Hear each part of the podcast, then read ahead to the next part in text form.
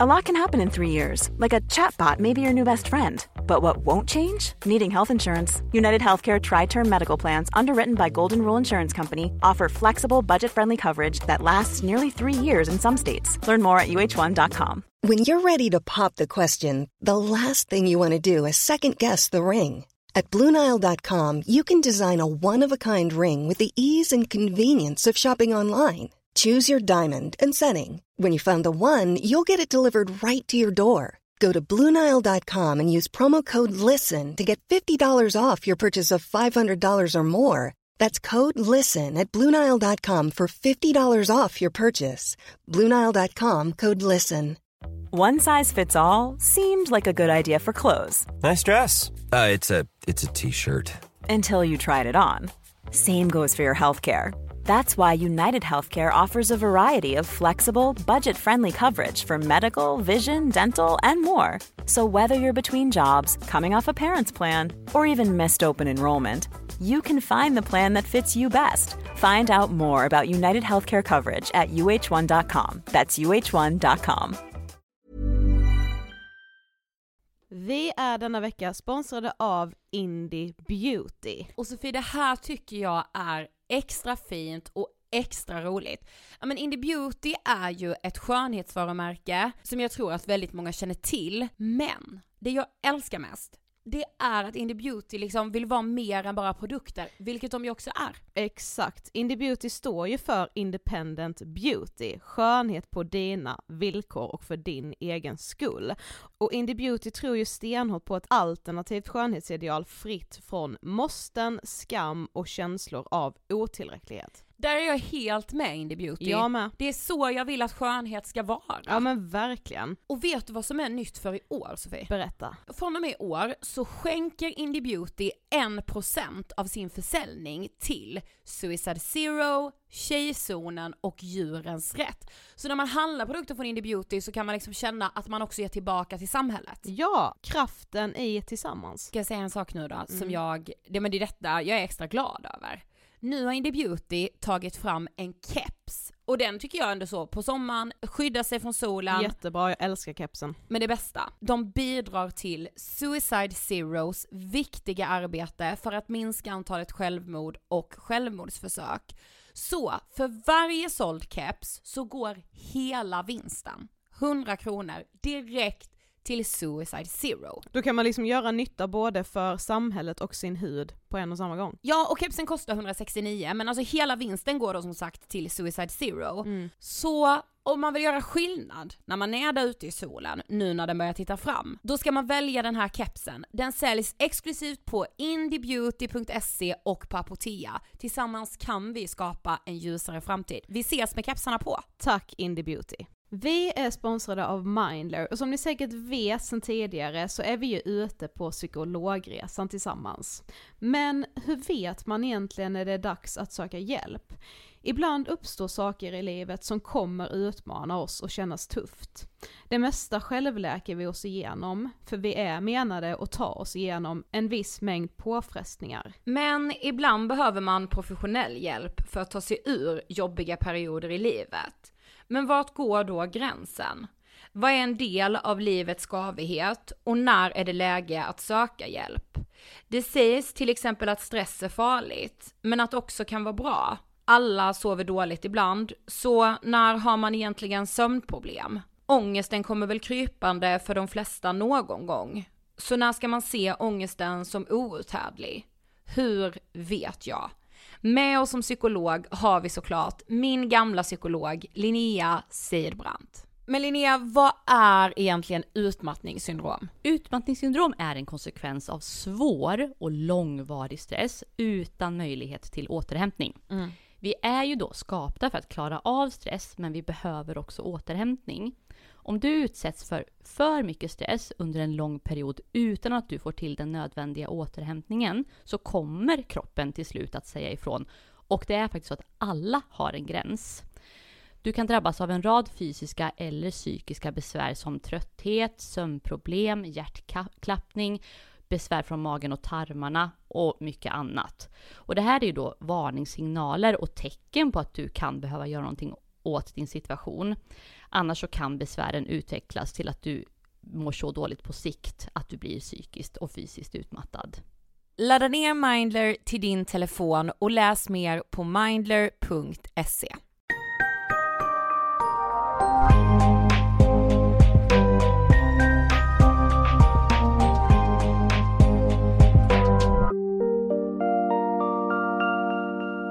på er och välkomna till avsnitt 417 av Ångestpodden och lite typ åttaårsdag. Ja det är sanslöst. Ja, Hej hej hej! det blir ju aldrig på datumet riktigt Nej. eftersom liksom kalenderdagarna, torsdagarna flyttar ju på sig så att säga, men Men för åttonde året i rad så har ni här Ångestpodden. Ja men verkligen, Ja. åtta år. Alltså jag kan inte för mitt liv förstå, alltså åtta år är liksom mer än hela högstadiet och hela gymnasietiden. Ja, och det har ju hänt så otroligt mycket i liksom ens liv såklart, men också med en själv, alltså vi har ju lyssnat tillbaka på gamla avsnitt nu, för att vi är så, gör det på TikTok, följ oss gärna där, The Real Angestpodden heter vi där, men i Ja. alla fall. Och det är ju alltså att bara höra min röst, alltså den är helt annorlunda. Vi pratar ju! Ja, Alltså det vi är ju gör ett litet ju det. barn! Ah, Det är så sjukt också för i ett avsnitt så eh, säger jag typ så här, alltså om det är typ så avsnitt tre eller fyra, jag kommer inte ihåg exakt, bara ja ah, men undrar hur det kommer vara när vi typ fyller 30, Mm. alltså då såg jag ju liksom 30 framför mig liksom långt, långt, långt, långt, långt bort i horisonten. Och nu fyller jag 30 om tre veckor! 30-årskris, ja eller nej? Nej, absolut inte. jag, Alltså, har, jag- alltså jag har 30-årskris, Nej, jag ser typ fram emot att bli 30.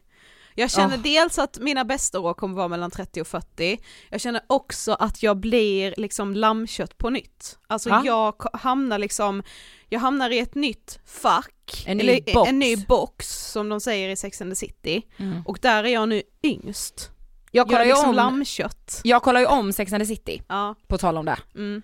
Alltså jag kan inte förstå alltså hur bra den serien är. Alltså det är kult, kult, kult. Den är populärkulturen. Alltså den är, den är att vara kvinna, den är att, alltså jag, alltså jag, jag älskar den. ja otrolig. Dagens avsnitt, Ja. det kommer handla om eh, cannabis, det kommer handla om annan narkotika och risker med användning. Vi bad ju er för ett tag sedan att skicka in frågor. Ja, och det här avsnittet är ett betalt samarbete med STAD som står för Stockholm förebygga alkohol och drogproblem och en enhet vid Karolinska institutet och Region Stockholm. Hur fett? Ja det är faktiskt helt alltså otroligt. jag är så hedrad över att liksom vi får vara med och göra det här. Ja, Eh, men vi, som sagt bad vi er skicka in alla frågor ni hade om cannabis och det var inte en fråga, nej. om vi säger så. Och jag hade ju också många egna frågor ska jag sägas. Ja, och vi har liksom vävt in frågorna Mm. i dagens intervju. Och i en intervjustudie eh, som STAD har gjort så har de undersökt unga vuxnas attityder till cannabis eh, som bland annat då berör vilken information unga efterfrågar och dagens samtal är liksom en del eh, av den informationen. Ja för de kunde ju se i den här studien att det unga efterfrågar är liksom Alltså hur man också får informationen och Exakt. vem som är avsändare av informationen. Ja, och det kommer också att följas av ett informationsmaterial som kommer att finnas tillgängligt lite längre fram i vår. Ja, och om man vill ta del av det här informationsmaterialet så kan man följa stad på bland annat Instagram, där heter de stad understreck org, de har också en Facebook-sida som bara heter stad, Stockholm förebygger alkohol och drogproblem och sen så kan man också hitta all information och också sen materialet på stad.org. Och med oss till hjälp idag för att eh, besvara våra frågor så har vi Erik Leijonmark. Och Erik han är föreläsare, författare och han har mångårig erfarenhet av att följa utvecklingen inom droger, alltså hur ser den senaste forskningen ut? Vad är skadeverkningarna? Hur kan vi behandla missbruk? Framförallt också så här, och det pratar vi mycket om, hur attityder har förändrats över världen och genom tiderna. Exakt, för jag tycker mig se rent medialt en ganska liksom drogliberal inställning. Mm. Man, man är inte så medveten om skadeverkningar och det, det kan jag ärligt säga innan vi träffade Erik, alltså jag har inte haft den här kollen. Nej, men sen kanske man har en magkänsla också som inte helt stämmer överens med verkligheten. Exakt. Vi rullar intervjun med era frågor och våra frågor om cannabis med Erik Lejonmark. Varsågoda! Hej Erik och varmt välkommen till Ångestpodden! Tack så mycket! Du ska få berätta först och främst, vem är du? Eh, jo, jag heter Erik Lejonmark och jag har arbetat under ganska lång tid med narkotikafrågor på olika sätt. Eh, numera bor jag utomlands och eh, eh föreläser en del om narkotika, har skrivit en bok som heter eh, Droghandboken som riktar sig till föräldrar och andra nyfikna vad man kan göra för att minska liksom, risken att ens barn använder droger. Då. Många mm. föräldrar är oroliga för det, men har tidigare arbetat eh, på politisk nivå med narkotika eh, problematik och politik kanske. Mm. Uh, och det, det, är ju en fråga som spänner över väldigt många olika fält kan man säga. Men, men allt ifrån liksom uh, prevention, hur förebygger man att människan använder droger till uh, vårdfrågor och stöd och behandling, hur får man människor tillbaka från missbruk. Men också hur ska samhället liksom förhålla sig till droger och kontrollera dem på olika sätt. Mm. Så det är väl på den sista biten jag känner mig mest liksom bekväm kan man säga med. Ja. Mm. Eh, vad tänker du på när du hör ordet ångest? Ja, vad tänker jag på när jag hör ordet ångest? någonting som jag tänker så alla har. Uh, någonting mänskligt, naturligt, uh, jobbigt, känner jag. Jag tänker att det fyller säkert ett syfte, eller kanske har fyllt ett syfte någon gång, att känna ångest. Uh, men det är trots allt jobbigt att göra det. Mm. Men, ja, men som sagt, idag ska vi prata om droger och mer specifikt cannabis. Mm. Eh, och vi tänkte först att man liksom vill reda ut, alltså vad pratar man om när man pratar om cannabis? Alltså vad, vad ingår? En jättebra fråga, för det är inte alls självklart. Nej. Och det är ofta det som jag själv får, jag, jag pratar mycket med ungdomar, ute och föreläser för ungdomar i skolor och sådär. Och det är en av de första frågorna, vad är det för något då? Mm. Och det är många vuxna som inte heller har koll på det.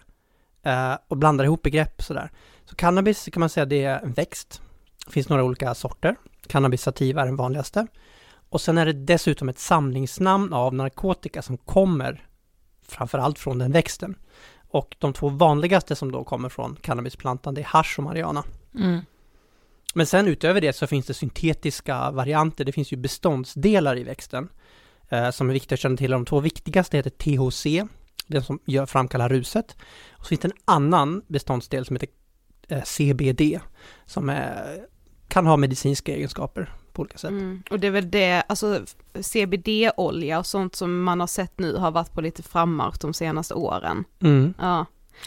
Eh, men hur upplever du debatten kring cannabis idag? Tycker du att den känns nyanserad? Nej, ganska infantil, men det beror på vad man tittar på det såklart. Och det finns, finns viss mått okunskap, men sen tror jag det finns mycket upp, uppdämda känslor kring den och människor som Ja, alltså det finns så många olika vinklar på det här man skulle kunna ta, men, men vissa personer, ska jag säga, brist på bättre ord, gillar verkligen den drogen och tar den drogen och blir väldigt uh, defensiva. Mm. När, man om, när man påtalar att det kanske inte bara är guld och gröna skogar mm. uh, med, med den här drogen. Och sen finns det andra som kanske har väldigt negativa uppfattningar om narkotika generellt och cannabis och som liksom slår ifrån sig allting och sådär. Och eh, jag själv är, är väldigt eh, skeptisk och, och liksom jag står för en restriktiv syn på droger och jag tycker att det finns väldigt mycket att vinna på att man håller ner användandet utav cannabis och annan narkotika i samhället. Jag, tr jag tror på den vägen, men, men det går ju fortfarande att vara nyanserad så att säga och inte bara dra alla droger över en, en kam och så. Mm, mm. Ja men det, ja, det är väldigt intressant och det känns också, vi sa ju det till dig nu innan vi började spela in att det känns som att det finns ett behov att faktiskt diskutera de här frågorna, att prata om det.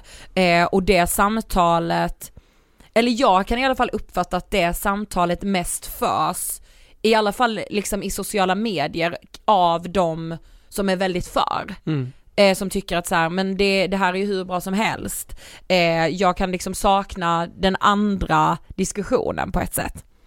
Eh, men i, i debatten idag så pratar man om missbrukare och man pratar om brukare. Vad är det för skillnad? Jag skulle säga att det är ett flytande begrepp, de är inte ja. så... Eh, svart och vitt så att säga, utan människor kan vandra in och ut mellan dem och du kan ha, det, tanken är ju att du, uh, ingen är ju missbrukare eller, eller får missbruksproblem eller beroende direkt, utan det kommer ju gradvis över tid så att säga. Mm. Uh, men det finns de som i narkotikadebatten tänker att det är liksom bara de personer som de har, så att säga, missbruk eller som har liksom enorma problem från drogerna. Vi ska liksom göra allt för att hjälpa dem och sen ska vi strunta i de andras användande så att säga, utan Mm. de ska få använda fritt själva så att säga, för, för det är ju inget problem. Och jag tror att det är ett felaktigt sätt att se på, på, på drogerna. Jag, jag skulle mena att det ena ger det andra, inte per automatik alltid. Det finns människor som i alla fall under en viss period klarar av att använda droger och där det inte går ut eller går över i ett missbruk eller ett beroende eller riskbruk. Det finns ju massa olika begrepp. Mm. Ja. Så att jag vill mena att det, det är inte så enkel skillnad mellan de två, utan det är en, en suddig gräns och människor kan vandra mellan dem, ja, så att säga. Mm. Men vad vet vi då om cannabis och dess påverkan idag? Påverkan på vadå? På eh, människan? På typ livet, på den psykiska hälsan? Alltså det är en enorm fråga och... eh, Nej men om vi för- tänker sådär, alltså har vi, alltså har vi bra forskning, alltså vet vi mycket? Ja och nej. För, för det är verkligen, alltså, eh, om man kan ta lite så här historiskt, det har liksom gått tusentals år tillbaks, har människor använt cannabis av olika syften kan man säga. Vissa har använt det för eh, smärtlindring eller för olika medicinska eh, egenskaper då.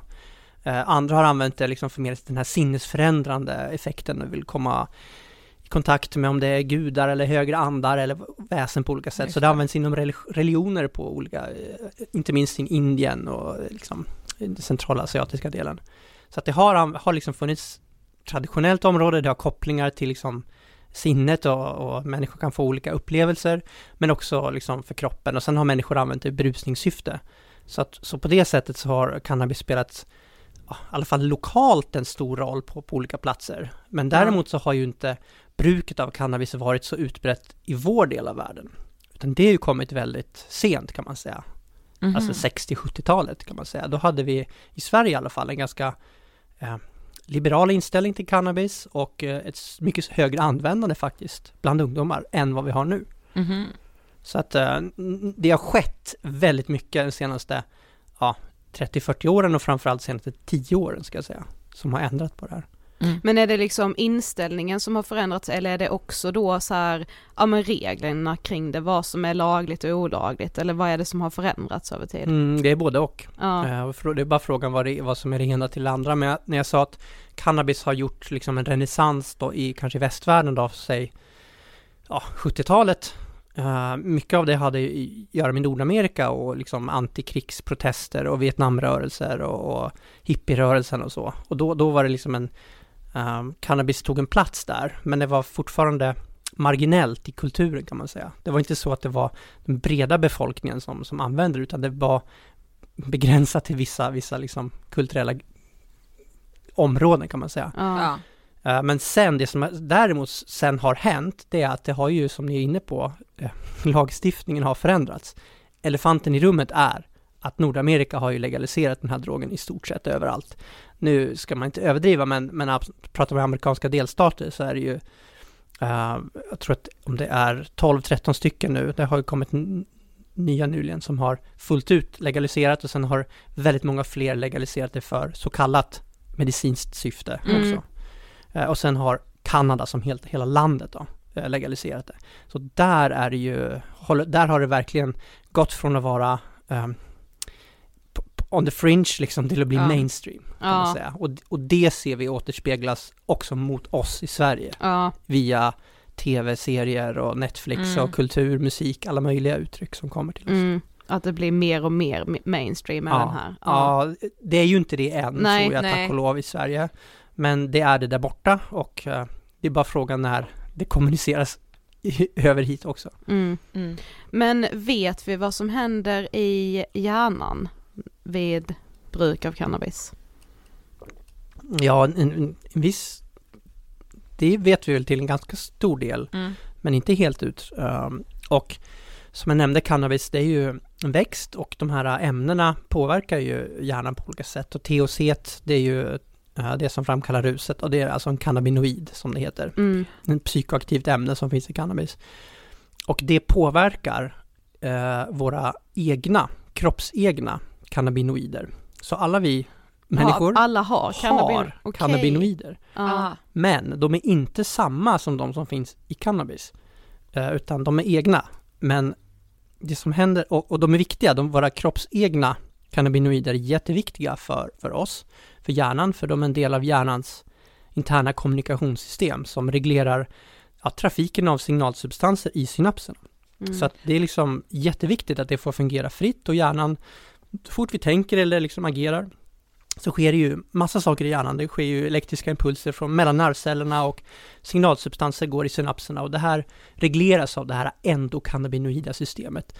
Och problemet då med cannabis, eh, det är att du eh, THC, det liknar en sån här kroppsegen cannabinoid som vi har, som heter anandamid. Och kroppen misstar det och det stör, kan man säga, det här eh, Okej. hjärnans kommunikationssystem. Ja.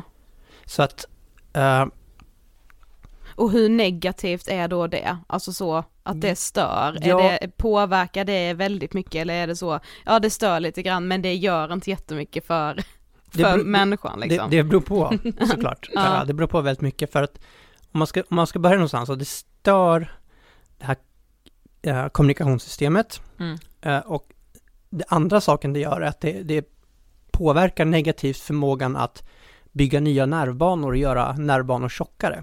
Alltså saker vi gör oftare blir vi liksom bättre på och de nervbanorna blir bildas ett fettlager runt dem och de blir liksom som motorvägar, de, blir- trafiken kan gå mycket snabbare. Och det här är någonting som sker framförallt hos unga personer mer än vad det gör hos äldre personer. Och det har att göra med att den unga hjärnan är mera plastisk, mer formbar Mm. och därför så blir cannabisanvändande extra riskabelt för den som är ung. För att då stör, eller hjärnans mognadsprocess kan man säga, riskerar att störas utav det. Så att du får två saker, dels påverkan på eh, hjärnans kommunikationssystem, som påverkar alla såklart, men också själva mognadsprocessen. Mm. Och då är ju frågan, okej, men vad, vad får det för konsekvenser då? Mm. Som du är inne på. Och det, det är inte lätt att, för det, det beror väldigt mycket på. Eh, det, det är inte så lätt att säga som att, ja men, jag röker cannabis en gång och sen händer det här. Mm. Nej, ofta att det kanske inte händer så mycket Nej. såklart, utan det är ju som ni, jag tror ni är inne på, eller förstår att det är dosrelaterat, hur Ja. ofta du använder, hur starkt det är, men jätteviktigt hur ung du är. Det Mm. vill säga ju yngre du är, desto större risk och effekt för negativa effekter får du utav det här. Eh, Men om man ska vara lite, om man ska vara lite nördig sådär, om du går till amerikanska hälsomyndigheter så gör Mm. de bra forskning på, på vad som händer. Och de väljer att dela in konsekvenserna på kort sikt och liksom på längre sikt. Ja. Och det är det vill man veta, vad händer liksom på kort sikt? Vad händer relativt snabbt då? Ja. Eh, och då kan man säga att de här uh, THC, där du liksom drar in, säg att du röker uh, hasch till exempel, så syresätts ju blodet i lungorna och THC går upp via syret, i, eller eh, går in i blodet och så går det upp i hjärnan och sen vandrar det ut i synapserna. Det sätter sig och blockerar sådana här receptorer som är mottagliga för naturliga cannabinoider, eh, cannabino, cannabino 1-receptorn och sen störs det här systemet. Och då får du effekt, de här cannabinoidreceptorerna, de finns på väldigt många olika platser i hjärnan. Så att det finns väldigt, väldigt många olika delar av hjärnan påverkas när man Ja. röker cannabis. Så det är väl liksom ett, början till svaret, att det är väldigt många olika delar av hjärnan som påverkas. Mm. Och eh, hur kraftigt påverkas det dem då? Ja, det, det, är såklart dosrelaterat. Men viktiga, liksom, stora områden man kan säga, det handlar om kognition. Det Mm. vill säga främre delen av hjärnan med beslutsfattande, tänkandet, eh, minnet påverkas, svårt att komma ihåg saker, koncentrationsförmågan. Sen har du liksom eh, belöningssystemet. Du får liksom en positiv kick då av att ta cannabis. Eh, och det finns ju en beroendepotential i det också. Och sen finns det sinnesintryck eh, och annat som påverkas. Så att eh, väldigt många olika delar. Så du får problem med kognitionen. Eh, vissa personer får psykiska besvär men inte alla av liksom också kort, kortvarigt användande. Eh, och en rad, ska jag säga, framför, framförallt kognitionen eh, och Mm. det psykiska. Sen har du i viss mån effekt, inte jättemycket på kroppen, men det, det är framförallt på det psykiska och på, på kognitionen, Mm. kan man säga. Men, ska bara avsluta med att eh, hjärnan har en otrolig förmåga att återhämta förmågor som blivit nedtrubbade eller avtrubbade.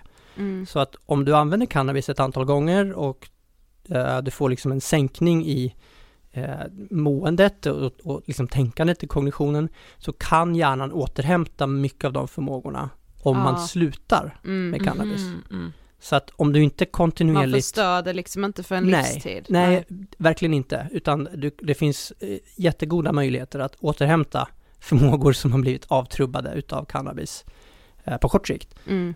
Men det här är lite grann brasklappen att om du gör det i ung ålder då, så är det en, en betydande risk om du liksom fortsätter att kontinuerligt ta cannabis Mm. under en längre tid.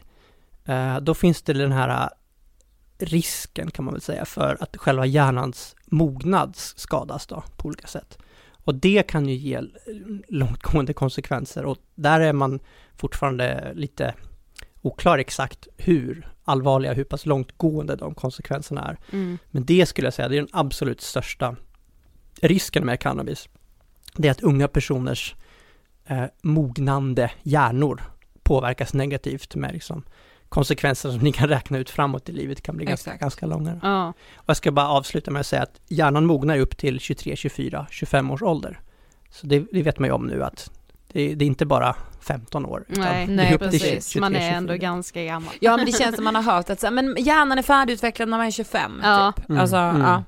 Men, Mm. men om man liksom ska knyta an till vårt ämne, just ångest och, och psykisk ohälsa. Hur ser kopplingen ut mellan cannabis och psykisk ohälsa?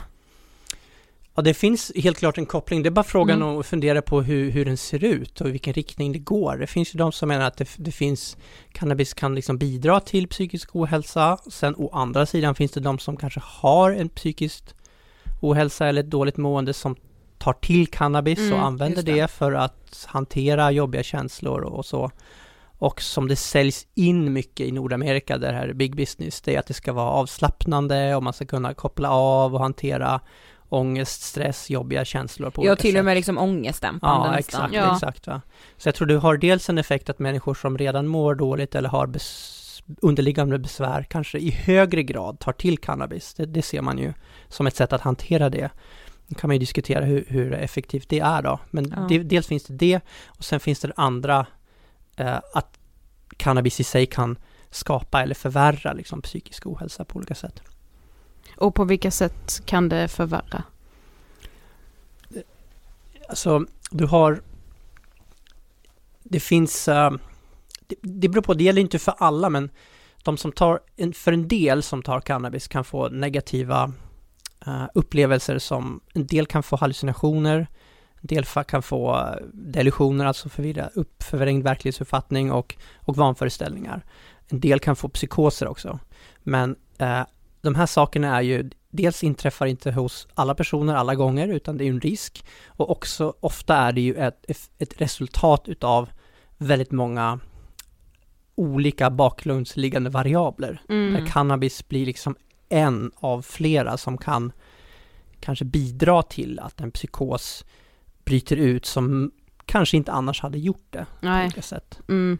Så att eh, det, det är ett sätt som det kan liksom leda till eller förvärra psykisk ohälsa. På. Mm. Mm. Ja men är det då så, för det var liksom nästa fråga just det här med kopplingen mellan cannabis och psykoser. Men är det så då att, alltså om man kanske får en psykos när man har upp på så kan det handla om att man har det här underliggande och att cannabisen då gör att det, det kommer fram liksom, alltså just så, så, så kan det vara. Och vad, jag, Eller vad vet man? vad, vad jag har förstått utav av eh, behandlare som arbetar med den typen av frågor, att de tittar ofta, när de får ett fall med en person som har psykos, så kartlägger de ofta bakgrundsfaktorer. Ja. Och en sak de är väldigt noga med att titta på, det är cannabisbruk. Mhm. Så här, Mm. finns det med? Och ofta så gör det ju det. Mm. Och då är ju frågan varför gör det det? Och ja, kan vara så att cannabis har bidragit till att, att, att det utbryter, men det kan också vara så att människor som redan är mer sårbara i högre utsträckning använder cannabis Ja också. Ja, precis, just det, det, är skitsvårt att säga vad som är hönan och vad som är ägget där. Mm, men men eh, man kan vara öppen för och troligt är det både och. Alltså. Ja. Det är en Ja just det. trolig Mm. gissning. Mm. Ja. Exakt. Men kan man se någon, någon koppling till andra psykiatriska diagnoser? Alltså jag tänker som schizofreni, eh, alltså den typen av eh, psykiatriska diagnoser. Troligen. Schizofreni har man ju, det har ju sett, gjort sådana här stora värnpliktsundersökningar i Sverige Ja. för jättelänge sedan, där man såg en tydlig koppling mellan unga personer som använt mycket cannabis och i högre grad har schizofreni. Ja. Å andra sidan så kan man se i vissa andra länder där man har haft ett ökat användande generellt utav cannabis har man inte sett motsvarande ökning utav schizofrenifall. Så det är, det är svårt. Jag, vet, jag, ska inte, jag, inte, jag ska inte svära på vad, Nej. hur sambandet ser ut, Nej. men, men att det, det finns helt klart ett samband och sen får man utröna mer vad det beror på, Mm. Mm. eller hur det ser ut. Men liksom om, om, nu utgår vi från vår magkänsla här, ska vi verkligen vara tydliga med att säga. Mm. Men enligt vår magkänsla så känns det som att, alltså man den senaste tiden inte är speciellt rädd för cannabis. Alltså att man liksom, man ser inte till cannabisens skadeverkningar på samma sätt som man kanske har gjort innan. Eh, och att liksom den allmänna känslan är bara att så här, men det är inte så farligt. Eller det är inte farligt alls. Mm. Vad, vad säger din magkänsla? Ja, jag, delar, jag delar den tyvärr. ja. Ja. Men eh, jag tror det, det är lite av en paradox någonstans att cannabis har eh, blivit mer och mer potent, det har blivit starkare eh, Mhm. under eh, ganska många år. Eh, alltså om man, om man tar den breda penseln så kan man säga att mängden THC, som ju är det som framkallar ruset, den har överlag gått upp ganska kraftigt i cannabisplantor. Okej, och och varför har det, 70-talet. varför då? Varför? För att du vill ha ett starkare rus, du vill ha en bättre produkt. Människor som säljer cannabis med en högre THC-halt får mer pengar. Mm, det är THC som, som säljer så att säga. Så att med odlingstekniker och annat eh, så har du drivit upp en THC-halt. Eh, i, I europeisk liksom, kontext så har alltid, eller alltid, men holländska varianterna där man har liksom mer fått odla mer i fritt så att säga. De har fått fram starkare cannabissorter än, än andra. Men numera med legaliseringen i Nordamerika och där det är lagligt med produktion av cannabis, då har det liksom satt verklig fart och då kan du göra väldigt potenta cannabisberedningar när du liksom gör en industriell skala på det och sätter moderna odlingstekniker och annat. Mm. Och det finns inget regelverk för hur stark en planta får vara, alltså du får göra en planta hur stark som helst om det väl är legaliserat. Ja, det beror ju på hur lagstiftningen ser ut i de olika delstaterna då och i Kanada. Eh, och det, det finns ett, ett, ett, ett lapptäcke, vad heter det, lapptäcke Ja. Mm. av olika Precis. regler i de olika delstaterna för det där. Eh, och det finns olika licenser som eh, möjliggör dig att odla eller få fram och producera olika starka cannabis. Men, Ja. men, men ja, du kan, du kan odla väldigt starka cannabissorter. Du får göra det i USA. Mm. Ja. Ja men för du var ju inne på det lite här eh, i början som, som är väldigt intressant, just hur det har sett ut i Sverige, alltså rent historiskt. Så det var först liksom på 60-70-tal som man började liksom använda cannabis i Sverige, alltså in, in Ja, så- någon, ja. något sånär liksom. Jo. Lite mainstream-aktigt. Ja, liksom. även om det, vi inte ska Ja. kalla det det kanske. Men, Mm. men liksom hur, alltså när sker den här förändringen? Alltså är det i samband med att det legaliseras i liksom vissa delstater i USA, Kanada, eller när skulle du säga att liksom, ja men att den här attityden som vi nu pratar om, att det liksom känns mer okej på något sätt. När sker den förändringen? Jag tror den sker nu, gradvis. Ah, ja. har skett Mm. sedan ett antal år tillbaks. Eh, jag, hör, jag tyckte mig se den för tio år sedan, Mm. eh, men då var den nog svagare än vad den är nu. Nu tror jag att den blir starkare och starkare. Och jag tror det har att göra med normaliseringen i, i Nordamerika. Mm. Och den i sin tur drivs numera eh, av industrin som vill sälja mycket. Och innan dess så drevs den, så att säga, när det var liksom hippies och, och vissa, eh, s- vissa andra kulturella uttryck som mer var på, på marginalen så, så vann inte cannabis någon s- större framgång hos befolkningen utan de allra flesta var emot det. Och på 80-talet så var det liksom en väldigt eh, en restriktiv syn på droger och man, man hade liksom föräldrarörelsen och annat hade sett igenom eh, cannabisromantiken kan man säga. Och sen så kom det tillbaks, skälet till att vi sitter här och pratar om det här ämnet nu tror jag har någonting att göra med att 1996, alltså vad blir det, 26 år sedan, Ja. Eh, ja. så eh, fick man igenom i Kalifornien, det var liksom första gången som cannabis tilläts för, eller i så kallat medicinska syften. Och det var ett resultat av att i, i många nordamer eller amerikanska delstater så har de mycket sån här direktdemokrati. Du kan lyfta en fråga, samla namnunderskrifter, lyfta upp en fråga till folkomröstning till exempel i delstatsparlamentet. Och då gäller det att bilda opinion för att få igenom det här. Så Mm. väljarna går och röstar liksom om det. Ah. Så det var, det skedde så att säga, det hade försökts massa gånger innan men det hade misslyckats. Och sen 1996 då kom det väldigt professionella kampanjmakare in i bilden. Det fick mycket pengar från vissa miljardärer som ville liksom stötta detta. Så du hade pengar och du professionaliserade budskapet kring cannabis. Sen hade du liksom energin från gräsrotsaktivisterna. Och de tre sakerna tillsammans eh, mynnade ut i att man började prata om cannabis, inte som att ja men alla ska få använda cannabis för att det är liksom härligt och bra på något sätt, utan man börjar prata om det som mer i, det här kan vara medicinskt bra, det här kan Mm. hjälpa svåra cancerpatienter, människor som har, lider av cellgiftsbehandlingar, människor som har epilepsi eller andra problem. De här måste vi visa, vad ska jag säga, barmhärtighet mot eller compassionate och vi måste Ja, liksom exakt. ge dem lindring. Vilket ju är ett, ett, ett reellt och legalt argument någonstans. Men som det sen blev då, för då kunde eh, väljarna tilltalades av tanken att vi ska inte tillåta cannabis för alla, vi ska, vi ska bara ge det för den här så att säga behövande gruppen och de ska få det. Men när man sa ja till det då, med en liten marginal 96, så i liksom lagförslaget så slank det med liksom en liten, så att säga, en liten mening som sa att personer som är allvarligt sjuka och i behov av cannabis för anledning X, Y, Z och Ö till exempel, Mm. de ska få cannabis och andra, ungefär någonting i stil med att och andra för vilka de själva uppger att cannabis vore bra för dem. Ungefär någonting sånt. Okej. Så Aha. den slank med, den lilla bisatsen. Och det möjliggjorde sen att i stort sett vem som helst som uppgav att han eller hon själv behövde cannabis kunde, Kunde då få. det. Ah, oj, ah. Ja, så att det, det, det var liksom en liten miss kan man säga. Medveten kanske, eller omedveten. Det beror på vad, vad ni själva drar för slutsats av det. Men det gav sedan uttryck till hela den här industrin. Och det satte liksom dominoeffekt i spel i Nordamerika. Ja.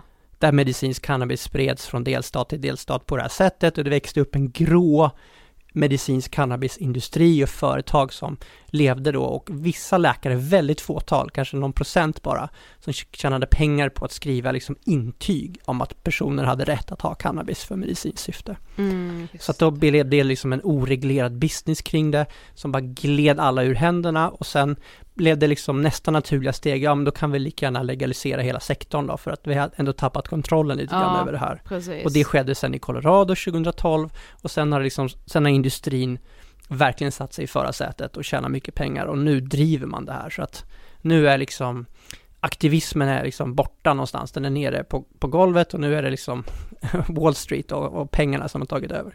Men om man inte, om, om inte den där sista meningen hade glidit med, alltså för någonstans är det ju, alltså så här, om en cancerpatient faktiskt kan bli hjälpt eller om Mm. man har verk, alltså om man upplever att man medicinskt blir hjälpt av cannabis, vill man inte då hjälpa de här personerna? Alltså kan man inte på något sätt bara ha det i medicinskt syfte? Eller Jo. är det liksom, Det, det är ju det man borde göra. ja, Så hade inte den här sista meningen slinkt med då, ja, får jag se, det är svårt att säga vad som hade hänt, men det, jag tror absolut att det går att ha, att cannabis kan ta en viss roll eh, i medicinskt syfte om det görs rätt. Och det görs ju bra i många länder, man har ganska strikt kontroll över det.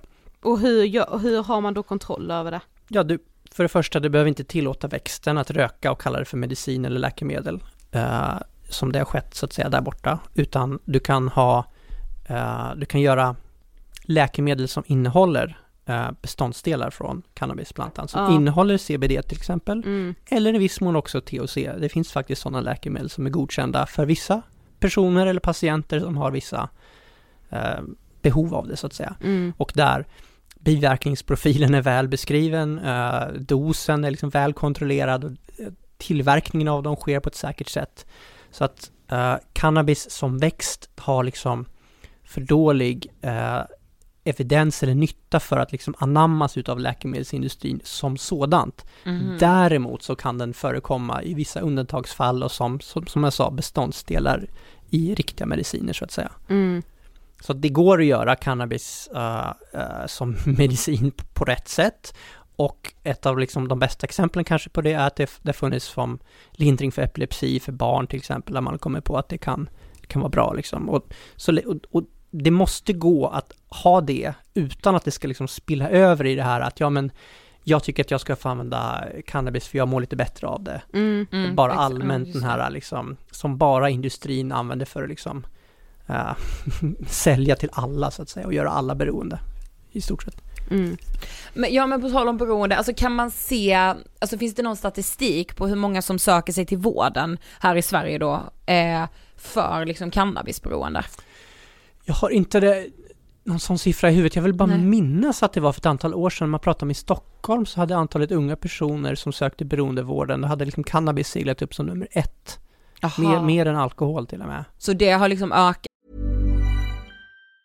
Mom deserves the best, and there's no better place to shop for Mother's Day than Whole Foods Market. They're your destination for unbeatable savings, from premium gifts to show-stopping flowers and irresistible desserts. Start by saving 33% with Prime on all body care and candles. Then get a 15-stem bunch of tulips for just $9.99 each with Prime. Round out Mom's menu with festive rosé, irresistible berry chantilly cake, and more special treats. Come celebrate Mother's Day at Whole Foods Market. Burrow's furniture is built for the way you live. From ensuring easy assembly and disassembly to honoring highly requested new colors for their award-winning seating, they always have their customers in mind. Their modular seating is made out of durable materials to last and grow with you. And with Burrow, you always get fast, free shipping. Get up to 60% off during Burrow's Memorial Day sale at burrow.com slash ACAST. That's burrow.com slash ACAST. burrow.com slash ACAST. Everyone knows therapy is great for solving problems, but getting therapy has its own problems too, like finding the right therapist, fitting into their schedule, and of course, the cost. Well, BetterHelp can solve those problems. It's totally online and built around your schedule. It's surprisingly affordable too. Connect with a credentialed therapist by phone, video, or online chat, all from the comfort of your home. Visit betterhelp.com to learn more and save 10% on your first month. That's BetterHelp, H E L P. Jag tror det Ja. var i Stockholm, det här, citera mig inte på det, det var några Nej. år sedan. Sen var det, jag har sett någonting från, från Kanada till exempel, det har skett en enorm ökning på vissa ställen utav just cannabis och unga personer som söker vård för beroendeproblem. Så att jag tror att det har potential att, att öka ganska kraftigt, eh, tyvärr. Mm. Mm. Och det är också knepigt det där med, med beroende och cannabis, jag menar vem, vem är beroende och hur, Mm. hur, hur liksom vet man själv om att man är beroende? Mm. Och jag vet inte vad ni säger, men ofta, ofta kanske man inte själv inser att man är beroende förrän man, Nej. för att man, förrän man vill sluta. För att jag Mm. menar, om jag använder någonting som jag inte ser några problem själv med, jag har, ser inga skäl till att försöka sluta, hur kan jag då veta att jag inte kan sluta eller om jag kan sluta? Ja, precis. Och sen om jag, och det kan ta många år för människor som har cannabisproblem, och sen kanske de upplever att oj, jag kan inte helt plötsligt så kan jag inte sluta och, och då får de ett ganska tufft arbete framför sig då. Mm. Men i en rapport från Forte så pratar man om unga personer som använt cannabis och att de har nedsatt IQ i jämförelse med de som inte har använt cannabis. Eh, först och främst, vad är egentligen mycket? Alltså hur mycket måste man bruka för att det ska anses som att man brukar mycket? Ja, det är också en flytande gräns. Men jag Mm. tror liksom kontinuerligt användande så att du använder flera gånger i månaden åtminstone. Uh, men sen finns det de som använder dagligen eller liksom nästan varje dag så att säga. Och där har du ju en betydligt större risk för de här eh, effekterna som du, som du nämnde. Och jag vet inte vart den kom från Forter men det har gjorts en del forskning och man har tittat på koppling mellan IQ då och uh, tungt användande eller väldigt frekvent användande. Och, då, och där du liksom uppfyller kriterier för att vara beroende utav cannabis Mm. som ung person och där har jag sett en ganska stor sänkning, i alla fall med ett par enheter av IQ. Ja. Mhm. Och Så som- man blir liksom lite dummare av att röka cannabis. Ja, kan man väl säga, tyvärr. Ja, det är ju en opopulär ins- ska säga, sakuppgift hos många som använder cannabis, som Ja. man inte vill känna sig vid. då. Men, men jag tror det är viktigt att skilja på ändå att sporadiskt användande är någonting annat än det här vanemässigt tyngre användandet. Eh, och det ser man i Sverige, jag tror att Folkhälsomyndigheten gjorde också en rapport där man tittade på konsekvenser utav cannabisanvändning och annat, att det är ju en stor skillnad mellan de som har använt så att säga, en gång, ja, där ser du ingen större effekt. Och de som har använt några gånger, inte heller jättemycket, men de som är liksom mer än 20 eller 21 gånger så att säga. Där har du en väldigt stor negativ effekt på olika parametrar. Mm. Men, det, men kan det inte också ha, alltså med andra saker, alltså typ så socioekonomisk liksom? Man ser i den samma rapport ser man att eh, personer med sämre socioekonomisk position i högre grad använder droger och cannabis också. Ja, mm. Så antagligen är det så. Uh, men det ena betyder inte att det andra inte stämmer. Så nej, båda, nej, båda kan stämma. Jag tror båda stämmer. Så att mm. säga. Mm. Eh, nu har vi varit inne lite grann på det här, men något som också då ständigt eh, debatteras i de här frågorna är ju just det här med legalisering och avkriminalisering. Först och främst, vad är skillnaden mellan avkriminalisering och legalisering? Uh, man ska börja för default option någonstans som alla jordens länder i stort sett har, det är att hålla narkotika, däribland cannabis, förbjudet. Uh, det vill säga produktionen är förbjuden, uh, hantering är ofta är förbjuden och försäljning är förbjuden. Sen finns det, och det, det görs, eh, det finns kom, tre stycken narkotikakonventioner som, eh, under, som FN har, som alla jordens länder har förbundit sig till och som Kanada numera öppet bryter mot och några andra länder. Eh, så grundläget är att inte tillåta laglig handel med cannabis. Men sen är frågan, vad gör vi åt liksom själva användandet då? Och då finns det ju olika man är olika sträng på vad man gör åt det då. Så att det finns många länder som, som bara har det förbjudet på pappret men som inte liksom i verkligheten gör så mycket åt att vissa personer använder det. Som mm. har lite mera låt go, låt go approach då. Ja. Uh, kan vara mer eller mindre uttalat. Om man ska liksom backa några år liksom till Europa så säger Holland ett sådant exempel där man har sagt att men vi kommer liksom inte ingripa att människor går till en coffeeshop och köper cannabis där. Det är fortfarande olagligt på pappret, men i praktiken så gör vi ingenting för att efterleva de lagarna då. Så mm -hmm. det är, ett, det är ett sätt man kan se på en avkriminalisering. Alltså det är kriminellt, men det är ingen som orkar straffa dig för att du gör det så att mm, säga. Liksom det, det får ju ändå inga konsekvenser. Det får inga konsekvenser. Det nej, är ett det sätt är inga att se böter, på det. inga fängelse. Nej, nej, exakt. Beroende på hur, hur, hur det är utformat. Mm. Sen finns det andra exempel, om man pratar om Um, en annan variant kanske man kallar det av avkriminalisering, det är att du visst kan få konsekvenser av att till exempel inneha eller använda cannabis, eller inneha då, uh, men de är inte straffrättsliga, utan de kan få andra typer av konsekvenser. Och ett, ett sådant exempel som ofta lyfts upp är Portugal då. Ja, just det. Och eh, då pratade man att det var, det var ett sånt land som, det var olagligt på pappret, men de hade liksom inga resurser att eh, förhindra att människor använde cannabis och ing, väldigt lite pengar satsades på vård och behandling och sådär. de hade jättemycket problem med det i början av 2000-talet. Eh, så de, gjorde, de beslöt att okej, okay, vi ska strunta i att polisen går efter personer som använder cannabis och vi ska satsa jättemycket pengar på vård och behandling eh, och vi ska ha sociala liksom, avrådningskommissioner, kanske man kan säga det. Så att när du, en ung person, påtappas med cannabis så kan du få bli utsatt för alternativa konsekvenser. Du kan bli ställd inför en socialarbetare och en domare eller till exempel som eh, du kan ha sådana här samtal, eh, du kan, i vissa fall så får du inte körkort vad jag förstår, du kan få Uh, tror jag till och med att du kan få tvångsmässigt, inte tvångsmässigt, men att du kan bli ålagd vård genom vårdprogram och så. Ja. Så att det, det, blir ändå någon form av konsekvens och, och tvång i det systemet då. Bara att det inte blir liksom, du får ingen straffrättslig konsekvens. Nej. Så det är ett, ett, annat sätt att se på avkriminalisering, att du får den typen av konsekvenser. Och i Portugal-exemplet fungerade ganska bra under lång tid, men premissen var ju någonstans att det byggde på att det fanns mycket pengar och resurser att hjälpa människor med. Mm. Sen fick eh, Portugal ganska stora ekonomiska problem sedan dess med finanskris och annat och de har inte haft råd längre att lägga mycket, lika mycket resurser på att hjälpa personer och nu är nu liksom allt tillbaka, nu, nu, nu ser det ganska illa ut där igen kan mm -hmm. man mhm. säga. Så att det här med huruvida det juridiskt är tillåtet eller inte, det, vis, det verkar inte ha haft en jättestor betydelse. Och i Europa kan man säga att det finns många länder som har mer eller mindre sträng syn på narkotika och man hittar ingen, ingen jättetydlig uh, koppling mellan hur mycket eller hur lite narkotika som används. Då. Så att det, det tycks ha att göra med andra, andra saker i många Mm. fall. Så att det var två sätt att se på avkriminalisering, Mm. men i båda de fallen så är det ju inte tillåtet att odla, producera Nej. och sälja, utan det är fortfarande olagligt. Mm. Men när du har legaliserat någonting, då, då, är det liksom, då menar man att då är det också tillåtet. Ja. Exakt. Och det, och det ska Ja. man säga, det, det går ju att det är inte fritt fram såklart. I en legal marknad så har det fortfarande regler. Ja. Och beroende på hur de reglerna är skrivna så kan det få väldigt många olika konsekvenser av det såklart. Mm. Men som, som Kanada och de, vissa delstater i USA, där är det ju legaliserat. Ja. Och vad har varit liksom deras främsta argument för det?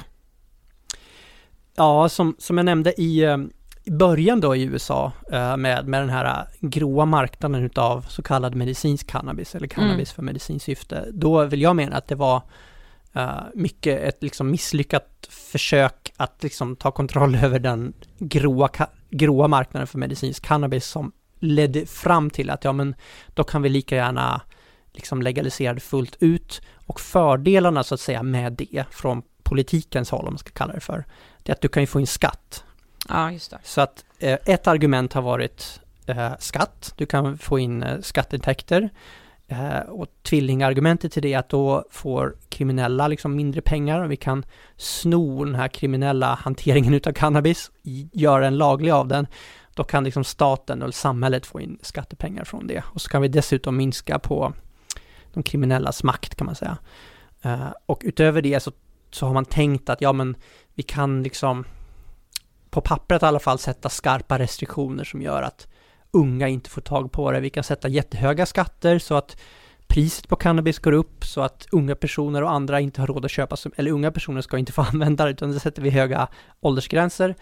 Och sen så gör vi priset så högt att människor inte har råd att köpa så mycket cannabis och då kommer användandet ändå inte explodera så att säga. Så att det finns, om du bara kollar på det vid ett, vid ett bord med en papper och penna och ritar så, så finns det många goda argument som eh, man tänker sig skulle kunna ge positiva exempel men som inte har visat sig falla ut så väl skulle jag säga. Ja, okej. Ja för varför, för när jag hör det så här så tycker jag att det låter som en ganska bra idé. Alltså typ att man fick Exakt. köpa det då på Ja, Systembolaget som vi har här där det ändå är 20-årsgräns och om man då också hade satt lite högre pris så att inte det var så liksom enkelt att köpa heller av I- den I, anledningen. I så. Kanada så att säga, de var ju lite efter, de, i Kanada kom ju 2018 och de hade ju sett vissa barnsjukdomar kanske man kallar det för, för Ja. det, gick, det gick ganska illa, jag kan komma tillbaks på det, vad som hände i, i Nordamerika. Men de såg att det fanns ganska stora problem med sättet som det gjordes på, så att säga, i Colorado och andra ställen. Eh, så att de hade som en väldigt så här, slagkraftig slogan för hur de skulle göra. De ville, nu ska vi se vad de sa, de ville hålla profiten borta från den organiserade brottsligheten, de ville hålla drogerna borta från barnen och de ville få in skattepengar till medborgarna, Mm. någonting sånt. Tre bra Ja, argument. tre bra saker. Så Ja. bara, men vi vill bara, allt bra liksom. Ja, Så det kanske inte är jättekonstigt att de fick igenom det där borta då. Men vad, vad är det som, det jag vill mena att det där är tre stycken storheter som inte går att förena. För att det finns en rad inneboende motsättningar med det där. För, för det första liksom, okej, eh, för att den svarta marknaden, så att säga, om, om vi börjar med folkhälsoargumentet, om du ska liksom skydda människor från att inte köpa så mycket cannabis, du vill ju göra varan dyr. Det, så säger nästan all ekonomisk liksom, vetenskap så att säga. Gör priset dyrt så får du konsumtion, mindre konsumtion. mm. Risken med det då, eller nackdelen med att göra det för dyrt, det är att då finns det ju kvar en svart marknad Just som det. inte är dyr. ja. Såklart. Mm. Eh, och ska du konkurrera med den, så att om du vill ha folkhälsa då ska du ha ett dyrt pris. Problemet då är att då får du svart marknad som är attraktiv.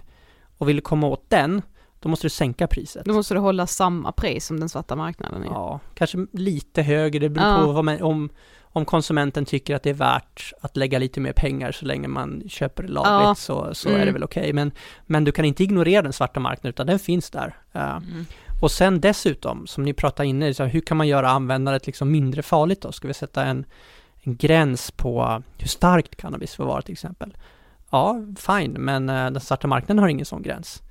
Eh, så då kan man gå dit. Så du kan inte sätta allt för strikta den svarta marknaden begränsar vad liksom det går att göra i praktiken då. Mm. Eh, så att, och sen har du, så att säga, politikerna, de vill ha in, de tänker sig att vi kan få in mycket skatteintäkter och, det blir många arbetstillfällen också.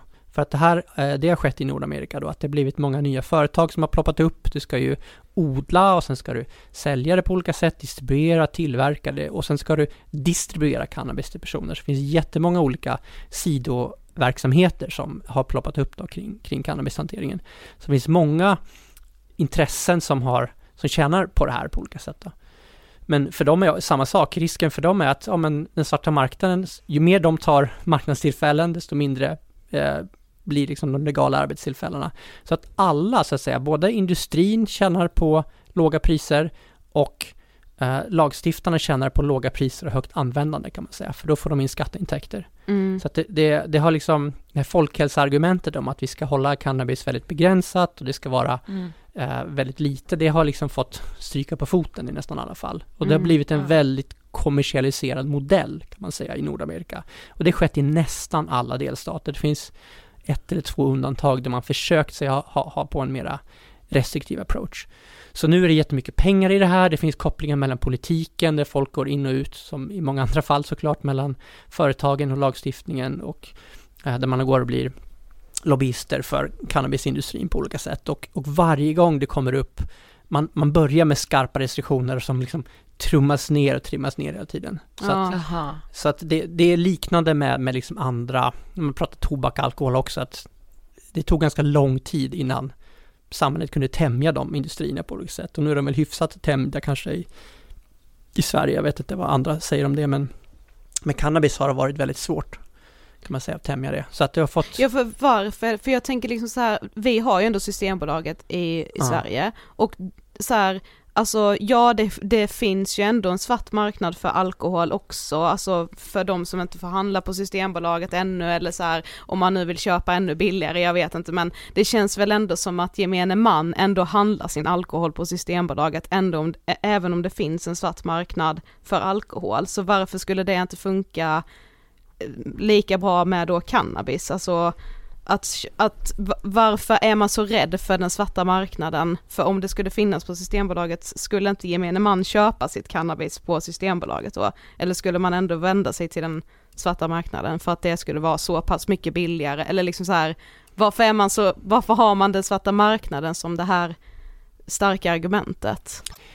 Alltså, när det funkar så bra med Systembolaget och alkohol. Ja, jag tror Nordamerika och Sverige kanske är annorlunda på flera olika sätt där. I Sverige har vi ju Alkohol har ju varit vår liksom, stora kulturella drog, liksom jättelång tid och Mm, sådär. mm. Och för hundra år sedan så söp halva svenska folket ihjäl sig nästan, om man Ja. överdriver lite grann. Men, men det var jätteproblem med det och vi fick väldigt restriktiva regler kring det. Och Systembolaget var ju en kompromiss mellan de som ville förbjuda alkohol totalt, som nästan lyckades med det i Sverige med folkomröstning 1922 tror jag det var.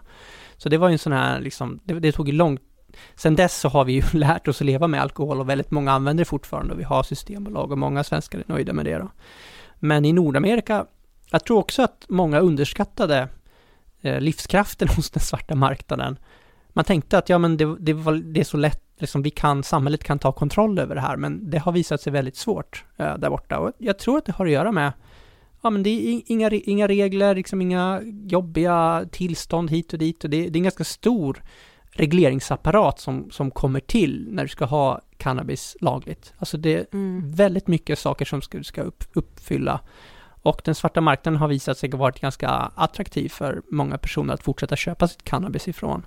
Och Mm. det i kombination med en enorm lobbying från industrin har gjort att liksom folkhälsan har fått stryka på foten där borta. Mm. Jag tror att det är lite grann svaret till varför jag inte tror på legalisering som en lösning. Och, och, och det andra är att det är så få människor i Sverige som använder cannabis. Eh, I Nordamerika var det ju normaliseringen kom ju först, du hade ett ganska högt användande, sen har du medicinsk cannabis och sen har man liksom politiken och lagstiftningen har fått kap- kapitulera inför det kan man säga. Men i många länder i, no- i, i Europa och i synnerhet Sverige så är det på en väldigt låg nivå. Ja. Och det är klart att skulle vi ha ett lika utbrett cannabisanvändande i Sverige som vi hade med alkohol och drickande, ja, då får, då får vi kanske se på det på ett annat sätt och kanske vi inte längre har möjlighet att upprätthålla ett förbud på samma sätt som Nej. vi har idag. Mm. Så att det är li- lite sån här pragmatism också. Mm. Jag tror att den stora risken då blir att då får vi ett, ett normaliserat användande och du signalerar och du släpper lös marknadskrafter på olika sätt som kan marknadsföra cannabis. Och det har ju skett väldigt kraftigt att det marknadsförs uh, och förekommer i tv-serier, produktplaceras, företagen betalar pengar för att cannabis ska förekomma i tv-serier och filmer och, och de skryter själva om hur duktiga de är på det. Så att det är liksom det man inte vill ha någonstans, tror jag. Mm. Men åter då till det här med alltså att avkrim avkriminalisera eget bruk som vissa länder har gjort. Var, varför har Sverige inte gjort det? Sverige har, så att säga, konventionerna säger att du får inte tillåta cannabis att användas så att säga, men mm. du, du ålägger oss inte exakt vad vi ska göra åt det då. Okay. Så Sverige och eh, Norge tidigare, eh, vi gick lite längre och kriminaliserade även själva bruket och tanken mm. var liksom att okej okay, men eh, vi kan förbjuda produktionen, vi kan förbjuda försäljning, vi kan förbjuda innehav, men så länge användandet inte är förbjudet, då är det liksom svårt rent lagstiftning, varför ska det vara en frizon hos det? Så att tanken med det svenska sättet är att liksom användningen är det centrala problemet. Det är liksom det enda som du inte kan ersätta eller komma åt. Så länge vi vi måste komma åt användandet för det liksom leder till allt det andra problemet. Så det, mm. det är så man har tänkt och jag tror egentligen det är korrekt. Bara att man kanske ska fundera på vilka påföljderna ska vara på ett, på ett bättre sätt. Då. Mm. Så fokuset är framförallt att få folk att inte börja bruka ja, cannabis? precis. Ja. Men många använder ju som sagt cannabis i medicinskt syfte, men hur ser egentligen läkemedelsmyndigheter och hälso och sjukvårdsmyndigheter på den typen av behandling? Må, ska säga, många är skeptiska uh, och där får man vara noga med vilka ord man använder för läkemedel är liksom strikt reglerade saker. Det, det, det kostar många miljarder att forska fram tillförlitliga och säkra läkemedel. Och cannabis är i nio fall av tio inte ett sådant. Mm -hmm. Eftersom, däremot som jag var inne på, det kan beståndsdelar från plantan, alltså THC, CBD och några andra, kan ingå i läkemedel så att säga. Mm. Men då finner sig frågan, kan liksom växten som sådant användas i liksom, så att säga, medicinskt syfte, vilket är liksom bredare begrepp. Säg som kanske liknande naturmedicin eller annat, kan, kan hjälpa, kan det vara bra, bra saker på olika sätt? Mm. Det, det, kan det nog, och det, det, finns i vissa, vissa länder gör ju liksom lagstiftaren undantag kan man säga för, för den typen av användningsområde. Man brukar prata om smärtlindring är en sån sak, men det finns en, en stor placeboeffekt också i, i, cannabis som smärtlindring. Så det är många som tror att det är liksom bra, men när man har gett dem någonting annat så, så har det varit placebo. Ja, ja. exakt. Så att det finns väldigt överdrivna eh, anspråk kan man säga på cannabis som medicinskt syfte i många fall. Och det ska jag säga, det, det, är också ett resultat av att det här är ju det som industrin säljer med. Ja. Det är det de säljer in till alla andra, oss som är skeptiska till cannabis, som är den stora majoriteten. Det är att det skulle vara medicinskt, det ska vara positivt, det ska vara mm. rekreationellt, det ska vara avslappnande, det ska vara liksom allting positivt kan man säga. Mm. Så det är en stor försäljningsgimmick också kan man säga. Mm. Men också som, som många frågade, eh, liksom vet man hur många vuxna versus hur många unga som använder cannabis? Är det vanligare i, de, i den yngre populationen eller ser man liksom att man fortsätter använda cannabis även upp i ålder?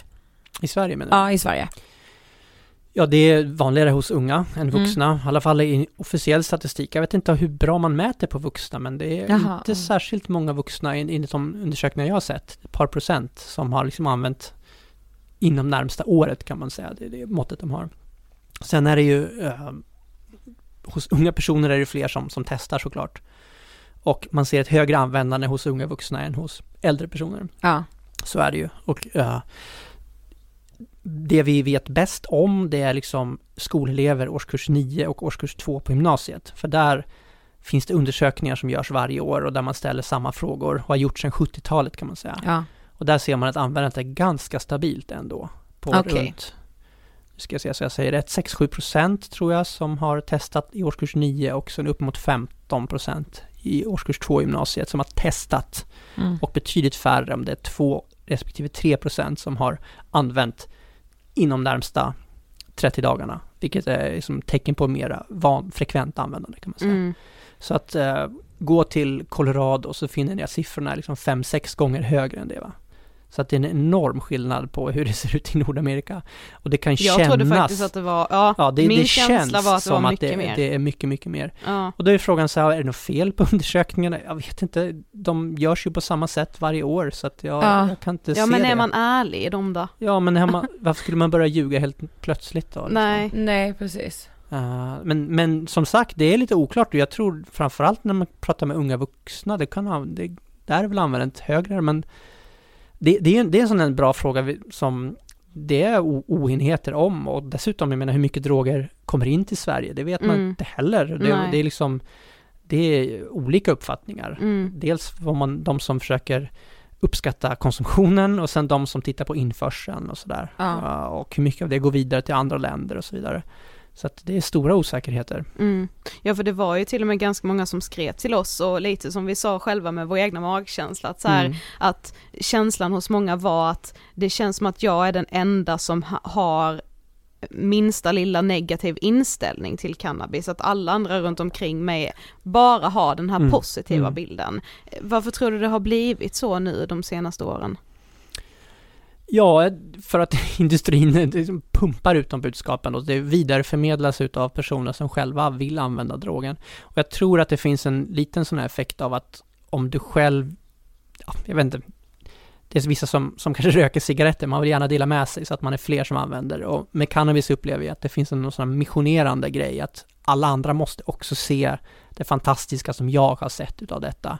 Och sen sprider det sig, tror jag, jätteviktigt att komma ihåg att det kan se helt olika ut i kompiskretsar och små klickar så att Ja. säga. Så att även om 9 av 10 är väldigt eh, mycket emot cannabis som jag tror är, och det ser man ju i opinionsundersökningar som SIFO gör, att nästan alla svenskar är väldigt mycket emot narkotika och cannabis, Mm. så kan det just i din krets vara precis tvärtom. Att där sprids sig andra normer, sociala normer och grupptryck och så. Mm. Så jag tror det är värt, värt att hålla på det. De flesta är emot det finns en sån här äh, majoritetsmissförstånd och man tror att det är bara jag som är emot, men i själva verket så är det vi som är i majoritet kan man säga. Ja. Ja, men det känns också som att, alltså, oavsett om man är för eller emot, Mm. så, så säger ju alla att så här, men jag utgår från forskning, jag utgår från vetenskap, Mm, man länkar till, alltså hur ska man kunna sålla i det här? ja, det är inte liksom Mm. svårt att hitta de här positiva Ja, länkarna. Ja, Alltså, visst, visst.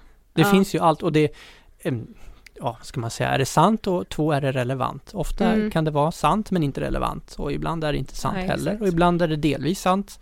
Är svårt att säga, det, men det, det kanske gäller fler områden än bara det här, men Mm. idag finns det ju allt för mycket information tror jag. Ja, Eh, alltså på det, det, finns alla ingen, det finns ingen, finns ingen brist på information, Nej. utan det, bara, det finns alldeles för mycket och Ja. det är bara frågan, man måste liksom bara hitta någon man kan lita på som kan kondensera det här åt en och det är väl det som är knepigt i moderna samhället. Exakt. Ja, men Kraftsamling för psykisk hälsa har ju samlat fem skäl att avstå narkotika och vi tänker att vi ändå ska gå igenom dem lite grann här. Eh, och den första är då för din hälsa. Alltså varför ska man för hälsans skull avstå narkotika? För att det har eh, hälso, hälsorisker, hälsokonsekvenser är det enkla svaret. Och det handlar ju framförallt om en själv och, och som vi har varit inne på i fallet cannabis med den mognade hjärnan hos unga personer. Och det kan ge o, svåröverblickbara framtida konsekvenser av att använda narkotika. Eh, och dessutom omedelbara konsekvenser om du får psykiska besvär av det här och nu så att säga. Så jag kan göra en sån här fånig jämförelse med röka tobak som ju såklart är dåligt och hälsovådligt på olika sätt. Men det är ju liksom inget omedelbart problem för dig. Att du, du kan liksom inte överdosera av en cigarett. Eller det är klart om du liksom injicerar nikotin, ja. då kan man faktiskt dö av det i väldigt Mm. stor mängd. Så, så visst, men det händer ju inte. Eh, Däremot får du negativa hälsoproblem kontinuerligt gradvis under lång tid. Men narkotika är lite annorlunda. Du kan få konsekvenser här och nu eh, som, som är allvarliga för dig på olika sätt. Och som sagt, psykisk hälsa är en sådant. Det är liksom den stora risken skulle jag säga med narkotika. Sen är det klart att det finns risk, den ultimata negativa risken med att ta narkotika, det är ju överdos såklart. Och det är ju vanligare från opioiderna än från andra typer av droger. Men, men inte ens det är särskilt vanligt så att säga, utan det finns ju betydligt mer allvarliga konsekvenser som kommer där innan oftast, till följd av narkotika. Mm. Eh, det andra skälet är för livets möjligheter. Ja, det är ju beror, är det avhängigt det första så att säga. Ja. Du får negativ hälsa eh, och det tar sig uttryck i att du får sämre livsmöjligheter så att säga. Och mycket av det har att göra med beroendet kan man säga. Saker som tidigare varit viktigt för dig och den drivkraft och den motivation du har, har haft gradvis eroderas och ersätts av liksom kärlek till drogen och energi och pengar som går åt till att uppfylla eh, behovet och kickarna så att säga från narkotikan då i cannabis och i annan narkotika. Så att det, det tror jag är den stora risken att man passiviseras eh, i viss mån och eh, intresset försvinner och gradvis så, så sugs man in i eh, ett användande och ett beroende så att säga. Mm. Eh, Och den tredje är för planeten. Det kanske är lite otippad men det, det har att göra med hur narkotika framställs. Mm. Och det beror på vilken narkotika det är. Vi har pratat om, om cannabis som numera eh, odlas industriellt i Nordamerika med ganska stor resursåtgång när det kommer till framförallt energi eh, och det har att göra med eh, lampor som krävs för att odla starka ljus när du odlar inomhus i växt och sådär och det är likadant i Europa och Sverige om du har människor som odlar inomhus måste ha starka ljuskällor och det kräver enorma mängder el. Sen finns det viss vattenåtgång som kan vara lokalt problem på de ställen där det odlas. Men pratar vi om eh, kemiska droger eh, så krävs det mycket kemikalier eh, för att tillverka som sen måste dumpas på olika sätt i naturen för att bli av med det. För man kan inte lämna in det på en återvinningsstation. Nej. Och eh, i fallet kokain som ju eh, du kräver liksom eh, stora arealer för att odla kokabuskar på som sker i Sydamerika inte minst. Då behöver du skövla vegetationsrik regnskog, eh, eldar upp regnskogen, får en sån här näringsrik aska, du kan odla kokabuskar snabbt. Sen skördar du buskarna och måste få ut ämnet koka ur kokabusken. Och det gör du genom att trampa på bladen med hjälp av diesel som du häller över i ett kar för att dra ur det här.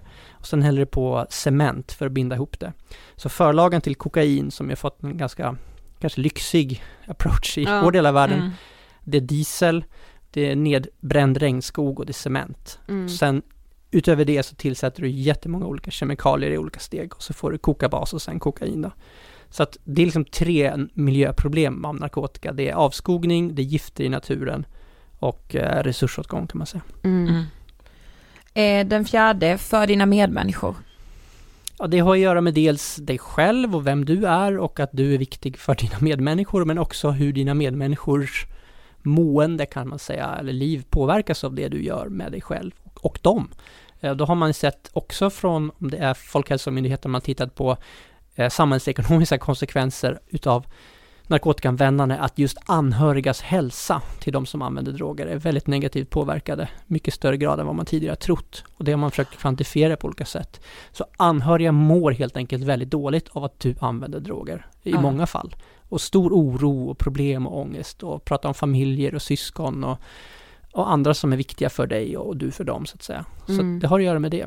Mm. Och där tänker jag faktiskt också att man kan väga in, alltså om man då tänker andra, eh, alltså kokain eller så, alltså hur det faktiskt smugglas, alltså hur framförallt liksom Mm. fattiga människor utnyttjas för att frakta det här på livsfarliga sätt. Mm. Absolut. Det, är liksom, Eh. det är någon som står i den här dieseln då dagarna i ända. Ja, och det är Alltså, någon som kanske liksom får ha det här i underlivet när får hon ska, frakta det över halva Exakt. världen. Ja. Självklart. Och sen dessutom, vad händer med dina pengar som du köper drogerna med? Mm. Det. Vem gynnas de av så att säga, eller vem gynnar dem? Och det är ju, vi har ju diskussioner om skjutningar i Sverige, kriminella gäng, våld eh, och drogmarknaden är ganska våldsam på sina platser, inte alltid men det, det är intimt förknippat med en rad olika allvarliga problem.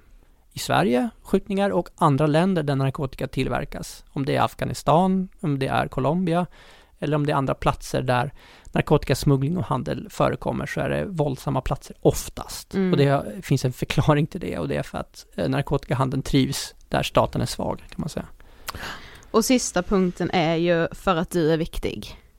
Och det, det är också för att man själv är viktig, inte bara för sina närmaste människor utan också för det samhälle vi lever i. Och eh, det är någonstans viktigt att tänka på lite grann när man tänker på kanske USA och Sverige, att det, det finns lite ett annat samhällskontrakt möjligen i Sverige också. Att vi har en offentlig och gemensam finansierad välfärd och eh, vi vill och har ambitionen att erbjuda bra vård och stöd för de som får missbruksproblem. Det fungerar inte alltid jättebra, det finns en rad saker man kan förbättra, men vi vill ta väl hand om de som får problem också utav droger. Mm. Problemet är att ju fler, skulle vi tillåta fler människor använda droger eller göra vad de vill och fler får problem och tar mer resurser i anspråk, då blir det mindre pengar kvar att hjälpa dem som faktiskt har det svårt med. Så att det finns en form av eh, balans tycker jag i att man har en restriktiv approach till droger, men vi tar god hand och hjälp om de som får problem. Medan, säg i Nordamerika kanske, eller USA, det här är lite mera upp till dig vad du gör med din kropp och ditt Mm. själ. Men du får inte lika mycket stöd och hjälp kanske heller av det gemensamma. Nej. Det är fair enough. Mm. Det, det är ett annat sätt att se på det då. Mm. Okej, sista frågan. Den handlar inte om droger. vad inspirerar Det dig? kanske den gör. Ja, precis. Nej, men alltså, vad, vad inspirerar dig eh, i livet? Nej, jag tycker det inspirerar, jag tycker att tänk, tänka lite motströms eh, och tänka de långa, långa vågorna, sånt inspirerar mig. Människor som kan stå emot det här vardagliga surret och tänka lite längre. Och det är väl när man pratar om varför jag intresserar mig för, för droger och sådär, så tycker jag att det är tecken på det, att vi, vi liksom, det har, det har inte slutat jättebra när samhällen har liksom släppt på narkotikakontrollen och liksom droger har spridit sig överallt så att säga. Det har fått ganska stora negativa konsekvenser och jag är bara så, jag är lite rädd att vi håller på att göra det just nu då. Ja, så att jag tycker det är viktigt att stå upp mot det och se lite längre bort. Ja, Mm. så, s- sånt inspirerar. Ja, bra. Tack så, Nörd, jätte... Tack så jättemycket för att du ville gästa Ångestpodden. Ja, tack, tack. Tack. Ja men lärorikt. Så lärorikt. Ja. Eh, tack så jättemycket Erik för att du ville gästa Ångestpodden och som sagt så de här fem skälen som vi pratar om de kommer ju liksom sammanfattas på Stads hemsida lite senare i vår och, och materialet kallar de fem skäl att avstå narkotika rakt på sak. Jag tror vi behöver mer avsnitt om det här. Jag med. Alltså just kopplingen till depression, psykisk ohälsa, psykoser, Mm. det är ju så viktigt att prata om. Ja och sen tycker jag ju också själva debatten är jätteintressant. Verkligen. Ja så jag, ja alltså verkligen. Det kommer mer. Ja, tack för att ni har lyssnat ännu en vecka på Ångestpodden. Nästa vecka kommer vår serie om hedersrelaterat våld och förtryck tillbaka. Yes, äntligen. Ja, verkligen. Hej då! Hej då!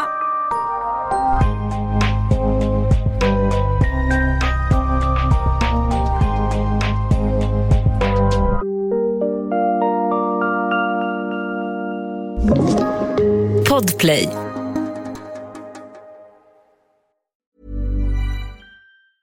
Mom deserves the best, and there's no better place to shop for Mother's Day than Whole Foods Market. They're your destination for unbeatable savings, from premium gifts to show-stopping flowers and irresistible desserts. Start by saving 33% with Prime on all body care and candles. Then get a 15-stem bunch of tulips for just $9.99 each with Prime. Round out Mom's menu with festive rosé, irresistible berry chantilly cake, and more special treats. Come celebrate Mother's Day at Whole Foods Market. Planning for your next trip? Elevate your travel style with Quince. Quince has all the jet setting essentials you'll want for your next getaway, like European linen, premium luggage options, buttery soft Italian leather bags, and so much more. And is all priced at 50 to 80% less than similar brands. Plus, Quince only works with factories that use safe and ethical manufacturing practices. Pack your bags with high-quality essentials you'll be wearing for vacations to come with Quince. Go to quince.com slash pack for free shipping and 365-day returns. Mom deserves the best, and there's no better place to shop for Mother's Day than Whole Foods Market. They're your destination for unbeatable savings, from premium gifts to show-stopping flowers and irresistible desserts. Start by saving 33% with Prime on all body care and candles. Then get a 15-stem bunch of tulips for just $9.99 each with Prime. Round out Mom's menu with festive rosé, irresistible berry chantilly cake, and more special treats. Come celebrate Mother's Day at Whole Foods Market.